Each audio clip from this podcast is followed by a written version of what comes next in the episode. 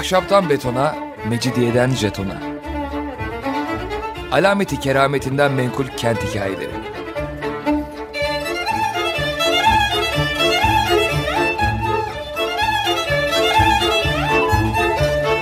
Hazırlayan ve sunan Pınar Erkan.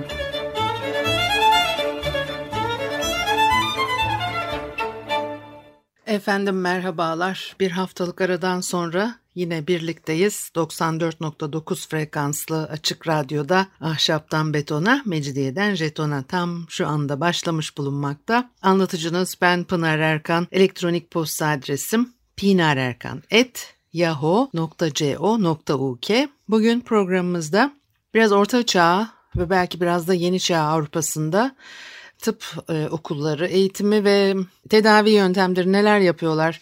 Onlardan e, söz etmek istiyorum size.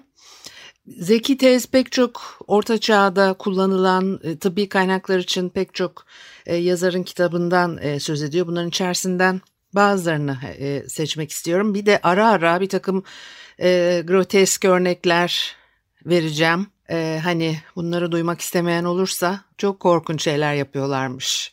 Ya bugünkü tıbla kıyaslanamayacak elbette o zamanın olanaklarına göre baktığınız zaman hani e, bu, bu bunları ben de yumuşatarak söylemeye çalışacağım. Zaten pek çoğunu da söylemeyeceğim ama yine de hani e, belirtmek isterim ki e, o çok kulağa hassas olanlar için e, belki de böyle bir uyarı e, gerekli.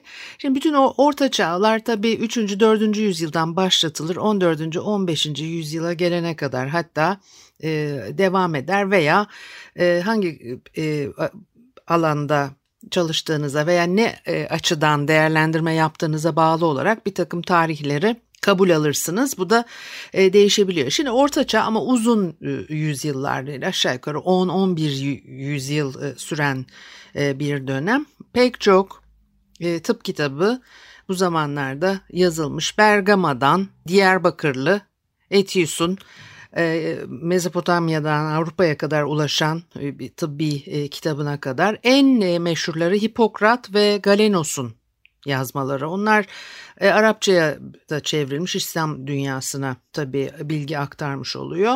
Ondan sonra daha geç dönemlerde batıya tekrar ulaşmış filan. Bir de tabii o kıymetli kitaplar başta Montpellier olmak üzere Avrupa'nın çeşitli fakülte ve akademilerinde tıp öğretiminde temel kitaplar olarak kullanılmış bunlar. Bir de Milanoğlu Magninus'un geç bir tarih tabii 1239 yılı dolayında sağlık ve hijyen konulu Salerno Sağlık Kitabı ismiyle geçen bir e, eseri var. 10 bölümden oluşuyor ve pratik tıp, beslenme sanatının kurallarına ve ağız diş sağlığına yönelik olarak e, yapılmış bir takım öneriler içeriyor. Çeşitli dillere de çevrilmiş. İlk matbaa baskısı 1482'de gerçekleşmiş. Daha sonraki yıllarda çeşitli dillere, Hollandaca'ya filan da çevrilmiş.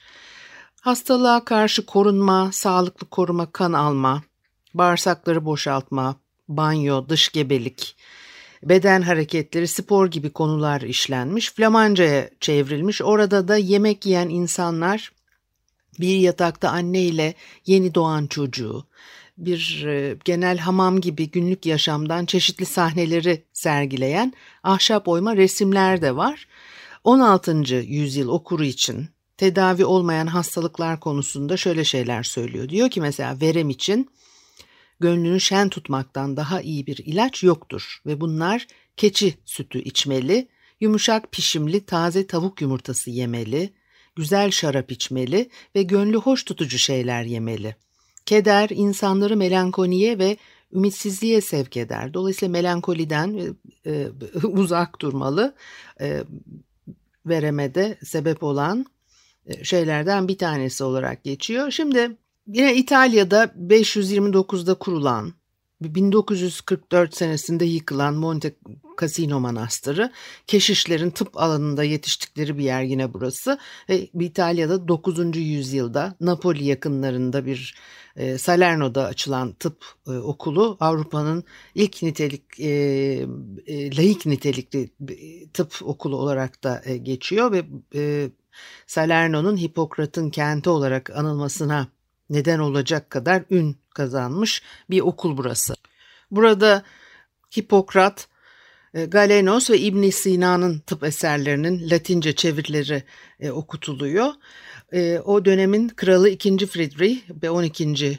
yüzyılın sonu 13. yüzyılın başlarından e, söz ediyoruz tabii şu anda.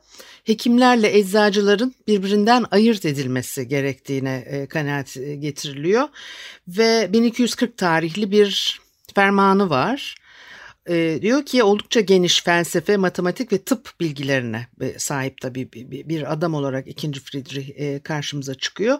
Halkın hekimlerin bilgisizliği yüzünden zarara uğramalarını önlemek amacıyla bir e, e ferman yayınlıyor. E, hekim olacakların 3 yıl mantık öğrenimi ve 5 yıl tıp eğitimini tamamladıktan sonra halk önünde başarılı bir sınav verip Salerno hocalarının onayıyla deneyimli bir hekimin yanında bir yıl stajdan sonra işte yemin edecek ve hekimlik mesleğine e, başlayacak. Anatomiden sınav veremeyenlerin cerrah olamayacağı koşulunu getirmiş ve öğrencilere 5 yılda bir idam edilmiş bir kişinin kadavrasının verilmesini emretmiş. Fermanda ayrıca bir hekimin günde kaç hasta bakabileceği, alacağı ücret gibi çeşitli hükümler de e, yer alıyor. 12. yüzyılda yine Salerno okulunda iki ünlü cerrah e, görev yapmış. Bunlardan işte Furgardi ile e, öğrencisi e, Parmalı Rolando. Çok çeşitli hastalıkları tedavi ediyorlar o anlaşılıyor. E, ve e, tabii eserleri var ve e, buralarda e, bir takım betimlemeler e, resimler de karşımıza e, çıkıyor. Mesela e, omuz çıkığının iyileştirmesini e, tarif etmişler hastanın kolundan aşağı doğru asılmasını gerektiriyormuş bu yöntem. Hastayı masanın üstüne çıkarmışlar. Cerrah e, bir eliyle hastanın sol ayağını tutarken diğeriyle de sol kolunu aşağı doğru e, çekiyor ve omuzu orta kısmına bez sarılı olan bir sırıkla desteklenmiş. Asistanlar da e, sırıkların birer ucunu omuzlarında e, taşıyorlar ve hastanın üzerine çıkmış olduğu o masa hepsi aynı kenara ve tabii perspektif bilgisiyle de alakasılı bu çizilen e, resimde çok doğru bir perspektif yok. Kafatası travmaları, delilik, cinnet, kötü ruhlardan korunma, baş ağrısı, baş dönmesi, çıldırma ve sara hastalıklarını tedavi etmek üzere o dönemlerde beyni e, kafatasını deliyorlar. E, bununla da ilgili bir takım e, kurallar ve sınırlamalar var. O delilik taşını çıkarmak falan gibi yöntemlerden söz ediyorlar ve işin içinde tabii berberler de var. Ee, onu da biraz sonra söyleyeceğim. Ee, 13. yüzyılda Salerno'nun ünü azalıyor artık. E, Fransa'nın güneyinde Montpellier kentinde bir tıp fakültesi açılmış. İtalya ve İspanya'dan İslam tıbbını kullanan Musevi hekimlerden etkilenen bir, bir okul. Burada son derece ünlü hekimler yetiştirmiş. Tabii bu yılların hekimlerine baktığınız zaman modern anlamda bir bilim adamı olmaktan çok filozoflar. E, Orta Çağ tıbbı sadece laboratuvar ya da hastanelerde değil aynı zamanda e, kütüphanelerde de e, gelişmiştir bu bakımdan diyor Zeki Tez. E, Orta Çağ'da özellikle de e, İslam dünyasında bir takım yasaklar nedeniyle anatomi konusunda bilgilerin bir kısmı ölmüş insan iskeletlerinin incelenmesiyle elde ediliyor ama hani e, rastlantısal olarak elde edilmiş iskeletler bunlar. İnsan iskeletini incelemek için Avrupa'da e, doğan e, seyrek olanaklardan biri de Haçlı seferlerinde e, şehit düşen Hristiyanların kemiklerinin gemilerle yurtlarına götürülmesi sırasında işte kendi ülkelerine geri götürülecekler ve orada tabii ki mezarlara gömülecekler. O ölmüş bedenlerin kemikleri açığa çıkana kadar kaynatıyorlarmış. Öyle çok uygulanır olmuş ki bu Papa 8. Alexander 17. yüzyılın başlarına tekabül veya 17. yüzyılın tamamına tekabül ediyor da diyebiliriz. Bir e, yasaklayan emirname yayınlamak zorunda kalmış. Keçi, antilop gibi hayvanların midelerinden çıkarılan bezoar taşları. Panzehir, zehir karşıtı demek tabi. Ve İbn Zühre göre erkek geyiklerin gözlerinden akan yaşların katılaşmış şekliymiş bu ve zehirlere karşı panzehir olarak etki ediyor. Böyle bir inanç var. Ortaçağ Avrupa'sında da var bu inanç. Ve ceylanların yaşadıkları bölgeyi işaretlemek için gözlerini uzun ince dal ve otlara sürterek gözlerinin hemen altındaki bezlerden e, katran gibi kokan bir madde e, salgılanmasını sağlıyorlar. O panzehir taşlarının veba gibi çok bulaşıcı hastalıklara bile şifa getirdiği e, zannediliyor. 18. yüzyıl ortalarına kadar Londra ilaç kitaplarında e, sözü edilen, kaydı e, bulunan bir şey olarak karşımıza çıkıyor. 15. yüzyılda yine bir kaynakta geçiyor. Ortaçağ Avrupa inanışına göre erkek geyikler kuvvetlenmek için zehirli yılanları yiyorlarmış. E, hastalanıyorlar tabii bunun sonucunda ve kısa e, sürüyor tabii bu hastalık. Gözlerinden akan yaşlar donarak katılaşıyor. Yere dökülen o taşlar panzehir taşı olarak kullanılıyor. Berberlerden hani söz etmiştim. Bu aslında bilinir. Belki siz de biliyorsunuz. Sadece saç sakal kesmiyor berberler orta çağlarda. E, genelde tıbbi bakım tedavi işleri de yürütüyorlar. Berber cerrahlar ve onların çalışma ortamlarının biri de hamamlarmış. Burada işte şişe çekme, hacamat işlemi gibi şeyler yapıyorlar. Daha Romalılar zamanında da kullanılan bir yöntemmiş bu. Rönesans'a kadar da devam ediyor. Sadece o da değil. Berberler diş falan da çekiyor. Şimdi benim e, başka pek çok şey yapıyor. Hatta ne o? E, berber cerrah e, falan gibi de geçiyor e, kaynaklarda e, isimleri. Dolayısıyla o e, kesme biçme hani becerilerinden yola çıkarak tabii. Her ne kadar böyle söz edince sanki her yerde e, tıp okulları e, ve e, hastaneler, gelişmiş tedavi yöntemleri kullanılıyor diye düşünmeyin lütfen. Çünkü bizim o en modern yöntemler çok yakın zamanda 100 yıl öncesi ve son 100 yılda gelişmiş olan yöntemler ve uygulamalar yani bakıyorsunuz onu da söylemek isterim Roma'da 3. 4. yüzyıla kadar Roma İmparatorluğu'nda bir hastane olmadığını görüyoruz. Bir müzik arası verelim ondan sonra devam edelim olur mu? Efendim Açık Radyo'da Ahşaptan Betona, Mecidiyeden Jeton'a devam ediyor. Haliyle Pınar Erkan'ı dinlemektesiniz. Ortaçağ tıbbi uygulamalarından, eğitimlerinden, e, yöntemlerinden e, söz ediyorduk. Şimdi e, İngiltere'de Ortaçağ boyunca trepancılar deniyor bunlara. Kafatası ameliyatı yapan cerrahlarmış ve özel testereler kullanıyorlar. Böyle testere ve ince aletlerin Almanya ve Macaristan'da Kelt askeri cerrahları tarafından milattan önce 300'ler gibi erken tarihlere kadar e, e, kullanıldığını arkeologlar e, saptıyorlar ve bugüne kadar da beyin üzerindeki akut baskıyı, migren ve diğer türden anlık baş ağrılarını azaltmak amacıyla e, e, kafatası e, ameliyatlarını e, uygulamışlar. Ağrının en aza e, indirgenmesi için üzüm ya da palmiye şarabı veya e, Güney Amerika'da olduğu gibi bir takım bitkilerin yaprakları kullanılıyor.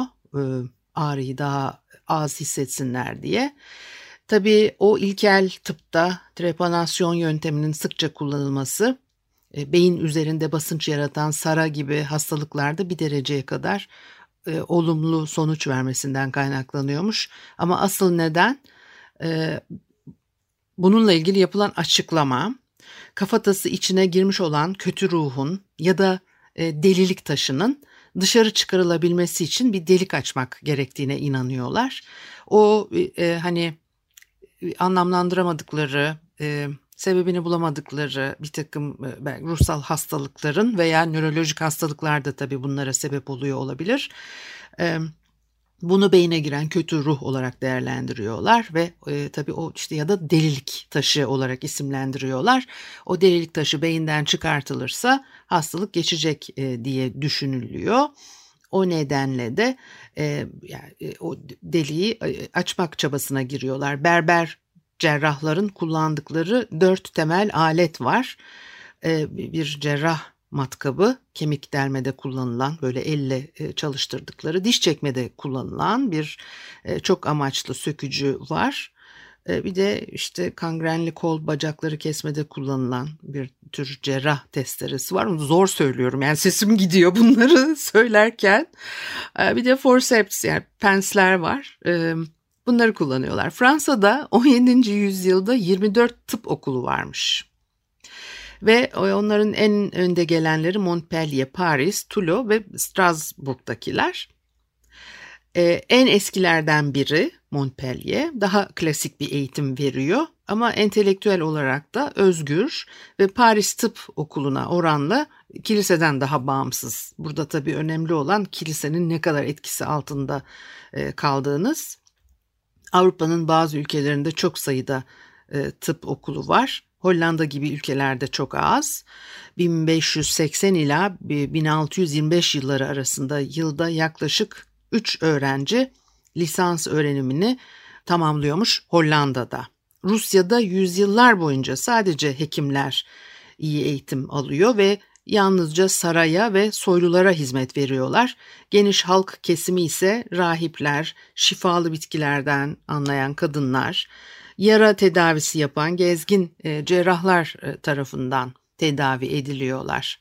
17. yüzyıl başlarında bütün Rusya'da batı yöntemleriyle eğitilmiş 20 e, hekim varmış. E, Avrupa manastırlarında rahip hekimler 13. Yüz, yüzyıla kadar cerrahlık dahil her türlü tıbbi tedaviyi uyguluyorlar. E, 1215 tarihli e, Laterano konsili e, rahip hekimlerin cerrahi işlem uygulamasına yasak getiriyor. İtalyan ve Fransız tıp okullarında öğrenciler ancak 3 yıl mantık, 5 yıl tıp okuyup 1 yıl süreyle de bilgili ve deneyimli bir hekimin yanında staj gördükten sonra kendilerine doktor ünvanını kazandıracak olan sınavlara girmeye hak kazanıyorlar.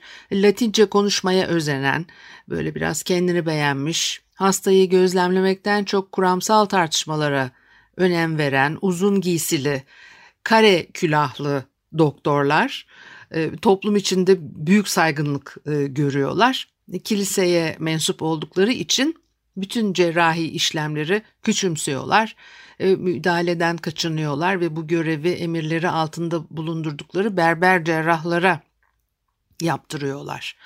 Berber cerrahların okuma yazmaları yok Latince de anlamıyorlar ve ustura kullanmakla edindikleri bir el yetenekleri var. İşte bu sayede e, e, ne bileyim ben e, bu da biraz hani söylemek neyse söyleyeyim hadi çıban yarmayı öğrenmiş olan basit işçilerdi e, diye ifade ediyor yine e, Zeki Tez Hoca. Kan alıyorlar, e, nüsil veriyorlar, diş çekmek gibi hekimlik işlevlerini yerine getirebiliyorlar. 18. yüzyıl sonlarına dek ama tıpta e, bu işleri yapan önemli kişiler olarak e, kaldılar. 14. yüzyılda bir çevirmen aracılığıyla bunlara tıp fakültesi hocalarından bir bilgi aktarma e, e, çabasına girişilmiş ve zamanla berber cerrahlar usta berber e, ünvanını kazanıyorlar ve tabelalarında üç leğen resmini taşıyan dükkan açma iznini aldılarsa da hala kısa etekli giysi giyiyorlar. Çünkü tabii herkesin bir de sembolik giysileri var. 1268 yılında mesleğinde başarı gösterenler bir araya toplanmışlar. Tabelalarına 3 leğen yerine 3 merhem kutusu resmine koydurmuşlar. E, sırtlarına da diplomalı hekimlerin giydiği uzun giysiyi geçiriyorlar. E, bu durum diplomalı hekimlerin tepkisine yol açmış ve gezgin cerrahlar, eğitimsiz, cahil kişiler e, kentten kente geziyorlar. Bunların hangisinin şarlatan hangisinin gerçekten biraz varsa becerisi sahibi olduğunu ayırt etmek de tabii e, çok e, zor. Hani bir işlem yapıldıktan sonra olan olmuş oluyor zaten.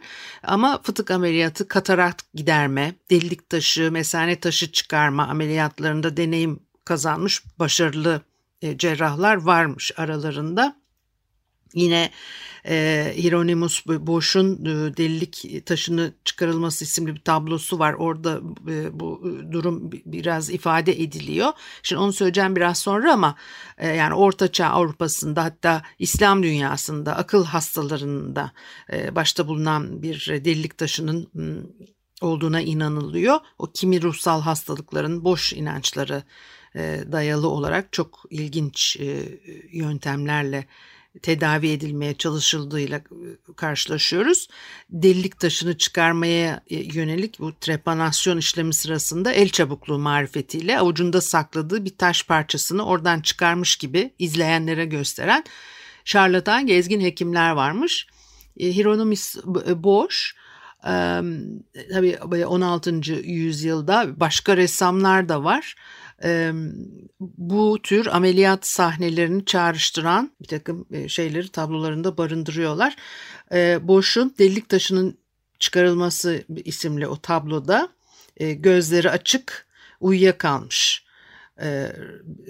rahibenin başının üstünde gerçek sağaltıcıyı simgeleyen kutsal kitap var. O taş kesiciler hastanın başındaki taşları çıkarmak e, yoluyla bütün ruhsal hastalıkları tedavi ettiklerini savunan gezgin cerrahlar ve hekimin başının üstünde bir huni var. E, o huni bugün tabii e, üşütük insan anlamına biraz hani geliyor ama biraz değil öyle. O dönemlerde bir bilgelik simgesiymiş. 18. yüzyılın kibar hekimlerine baktığınız zaman da e, e, siyah pantolon, silindir şapkası, tokalı iskarpinleri hatta kürk e, e torbalarıyla dikkat çekiyor. Bir başka önemli aksesuarları da altın ya da gümüş saplı baston. O bastonun içinde bir oyuk kısım var. Enfeksiyona engel olduğu sanılan kimi kokulu maddeleri taşıyorlar. Tıpkı bu vega, veba hastalığı veya çeşitli salgın hastalıklarla meşgul olan doktorların hani şimdi artık bu yeni gelen salgın hastalıkla beraber her yerde bu görseller çok paylaşıldı ki ben geçen yıldan beri salgın hastalıkları size birkaç defa anlattım. Benim de eski programların tanıtımlarında da o fotoğrafları e, görebilirsiniz de böyle hani karga gibi burnu var. O, o, o uzun bir burun gaga gibi. E, onun da içerisine bir takım bitkiler koyuyorlar ki işte çünkü havadan bulaştığına inanıyorlar. E, henüz daha e, mikropları falan bilemedikleri için dolayısıyla buruna girmesini o kokuların engellemeye çalışıyorlar. Mesela yine bu dönemde kullanılan 16 e, bu dönemde derken tabii ben biraz böyle orta çağ 12. yüzyıl 16. yüzyıl biraz zamanlar arasında gittim geldi mi? Bu şimdi vereceğim örnek 16. yüzyılın e, örneği. O e, ciddeti ilaçlar yardımıyla uzaklaştırmaya çalışan hastayı tomografi tekniğine benzer tarzda kızgın fırın içine sokarak kuruntuları iyileştirmeye çalışan doktor e, Panargus ve e, yardımcı hekimler. E, yine bir görsel var onu da sizinle paylaşmak isterim. Tabii kızgın yani tomografi tekniğine benzer tarzda deyip fırına sokup çıkarmak baya bir peki bu haftalıkta bu kadar olsun. Haftaya görüşene kadar hoşçakalınız.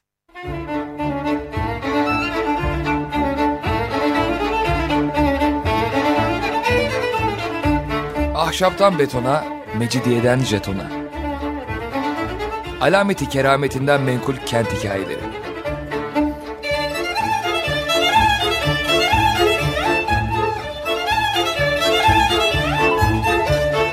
Hazırlayan ve sunan Pınar Erkan.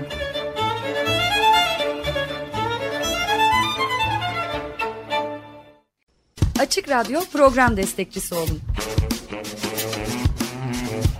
bir veya daha fazla programa destek olmak için 212 alan koduyla 343 41 41